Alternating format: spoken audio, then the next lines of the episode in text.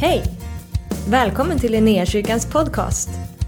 Vi hoppas att det här ordet ska uppmuntra dig, stärka dig i din tro och leda dig in i djupare relation med Jesus. Gud välsigne dig i ditt lyssnande. befaller er. Är det en börda att bära att vara kristen nu då liksom? Jag har befallt er, gå, gör liksom, jag har befallt er, lär dem allt som jag har befallt er. Och igen så andas det Gestapo över detta. Och det andas att jag är tvingad över detta. Du är befalld. För antingen är han den han säger att han är och då är han det minsann och då måste du minsann. Annars så liksom, gå på julotta med dig och, och fasta varje dag, 365 dagar om året. Men det är ju inte på det sättet. Utan han säger att de orden som jag har sagt, säg inga andra ord.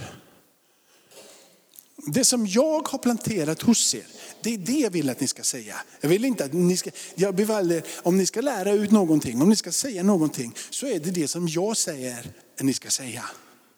Ni ska liksom inte hitta på en egen variant av det jag håller på med. Så vi, på riktigt så har han befallt dig Joel.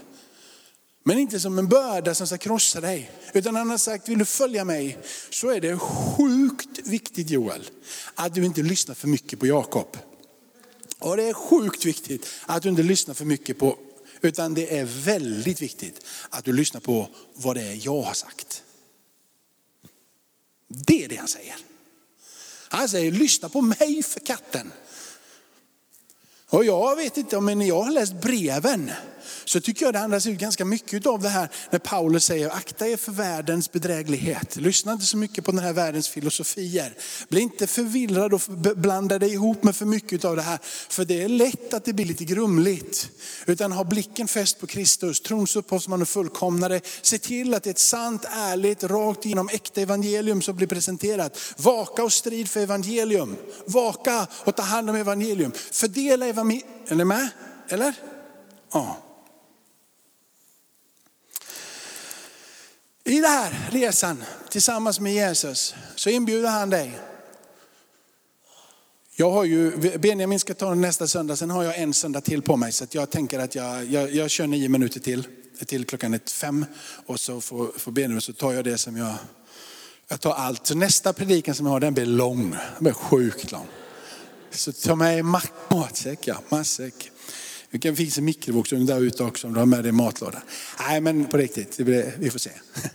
Hörrni, eh, jo i det här. När han kommer så har han en undervisning som han som han planterar i våra, i våra hjärtan. Då, och som vi så fint har nu i evangelierna, för vi har ju inte lärjungarna och inte Jesus. Men vi har den heliga ande. Och det är dit vi ska komma i den här resan. Att den heliga ande, han är den som ger dig kraften att vittna så som Gud vill att du ska vittna. Den heliga ande är den som ger dig kraften att älska så som han älskade. Den heliga ande är den som ger dig kraften att tjäna så som han tjänade. Det är liksom slutresan sen då. Liksom. Men i det här, när han inbjuder oss, så börjar han ju tala ganska häpnadsväckande tankar. Eh, det som är i bergspredikan är ju en kullerbytta för sinnet, både dåtid och nutid. Att vi ska älska alla, liksom även de som, som hatar. Vi ska be för, för alla. Och det, det är så mycket i detta så det, det är ju helt häpnadsväckande konstigt. Och det är väldigt, ibland till och med provocerande. Men det är livsförvandlande för det kommer ifrån Guds hjärta.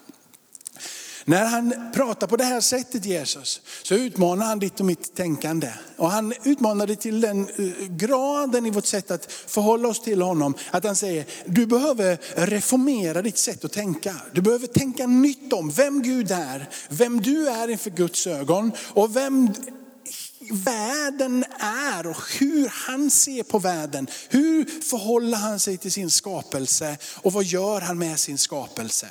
Du behöver tänka nytt om vem Gud är. Och därför så befaller jag er, säger Jesus, att säga det som jag säger. När han inbjuder oss så kan vi inte rycka lite granna ifrån det som är Bergson, någon filosof långt bort i ingenstans. Eller rycka ut lite granna ifrån hinduism eller buddhism eller islam för att det är fina, vackra, härliga tankar. Utan Jesus är tydlig med att det är det jag säger. Det är det ni ska lära ut.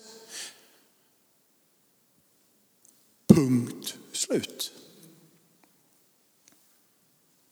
För det som Jesus säger, det är så radikalt. Och det är så utmanande. Och det är så livsavgörande. Och det är så uppväckande. Att det är så transformativt, förnyande och förvandlande för ditt sinne. Så Bibeln säger till och med att du kan få Jesu Kristi sinnelag. Och så säger Bibeln att du kan inte få det på något annat sätt än genom hans ande. Så hur mycket du än försöker säga, jag ska bli en lärjunge och jag ska följa Jesus, så går det inte ser du. Utan hjälp utav anden. För i till exempel första Korinthierbrevet kapitel 2 så står det att vi kan liksom inte greppa och fatta vem Gud är annat genom anden. Utan genom den anden som han har gett oss så förstår vi vem han är. Och när vi nu genom denna anden förstår denna hemlighet som finns i Kristus, så som Paulus uttrycker det, ni har Kristi sinnelag. Ni är Kristus lika. Och era sinnen har blivit präglade av vem han är och låt det få bli fortsatt präglat av vem han är. När det går upp för dig, när du vill bli en lärjunge, formad av honom genom evangelium, genom att vara en del av en större lärjungaskara, till exempel församling. Och när du har människor som, som jag eller andra som undervisar från Bibeln och saker och ting tänds och du blir formad tillsammans och du ber för någon och du ser att Guds kraft kommer över och de kanske blir helade och botade. Och det är massor med härliga saker som händer, profetiska tilltal som kommer och du väcks upp av att det finns någonting med Gud så börjar saker och ting hända med din attityd gentemot det som finns runt omkring dig. Din attityd blir förändrad för att ditt sinnelag har blivit förändrat. Helt plötsligt så träffade jag, jag träffade en ung kille som blev frälst. Han var 21 nu och blev frälst när han var 19. Så berättade han vad som hände när han blev frälst. Han blev frälst och kände bara Guds kraft kom över honom. Han fattade ingenting och han bara helt snurrig i hela huvudet. Det bara hände grejer på en enda sekund. Och han kommer ut ifrån den platsen han blivit frälst. Han hade tuggummi i munnen. Skulle han spotta ut tuggummit och så spottade han på marken. Så tänkte han sådär ska inte jag göra längre. Det är inte rätt. Så han plockade upp tuggummit och letade en sopkorg och slänger det. Han hade blivit förvandlad av ett litet tuggummit påminde han om vem han hade blivit nu. Och man kan ju tycka att det är patetiskt och tramsigt och jag råkade spotta ett tuggummi innan idag på golvet. Så jag är inte lika mycket lärjunge som han. Men jag säger det bara för att du ska få ett ok över det och säga att jag måste sluta spotta tuggummi på golvet. För det är inte det som är liksom poängen med det. Poängen med det är att någonting hade hänt på hans insida som hade väckt honom. Och han sa, han bara, jag är inte likadan Försök! Kämpa, nu ska jag förändras här. Hörru. Han hade inte en tanke om att han skulle förändras. Vet du. Han hade bara en enda tanke, om Gud finns så vill jag ta på honom. Så fick Gud ta på honom. Och så började det med en enda gång ske någonting på hans insida. Ett sinne som blir förnyat. Hans attityd mot skapelsen, hans attityd mot andra människor. Och det som blir det som blir det ljuvliga när ditt sinne förnyas och din attityd mot andra människor, det är att dina handlingar börjar se riktigt, riktigt annorlunda ut. Du börjar göra saker som du inte innan har gjort och så börjar du göra dem för att du vill göra dem. Inte för att du är med och följa John på skolgården. Utan du vill på riktigt.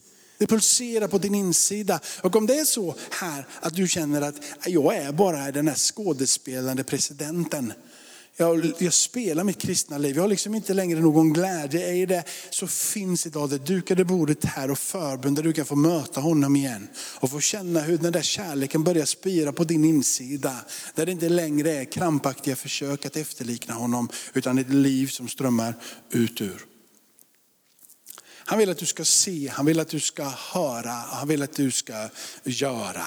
Han vill forma ditt sätt att tänka så att det formar dina attityder och dina attityder till slut blir handlingar som finns och som syns i det liv som du lever. Han vill att du ska förstå att platsen tillsammans med honom är fylld av kraft, given genom den heliga ande.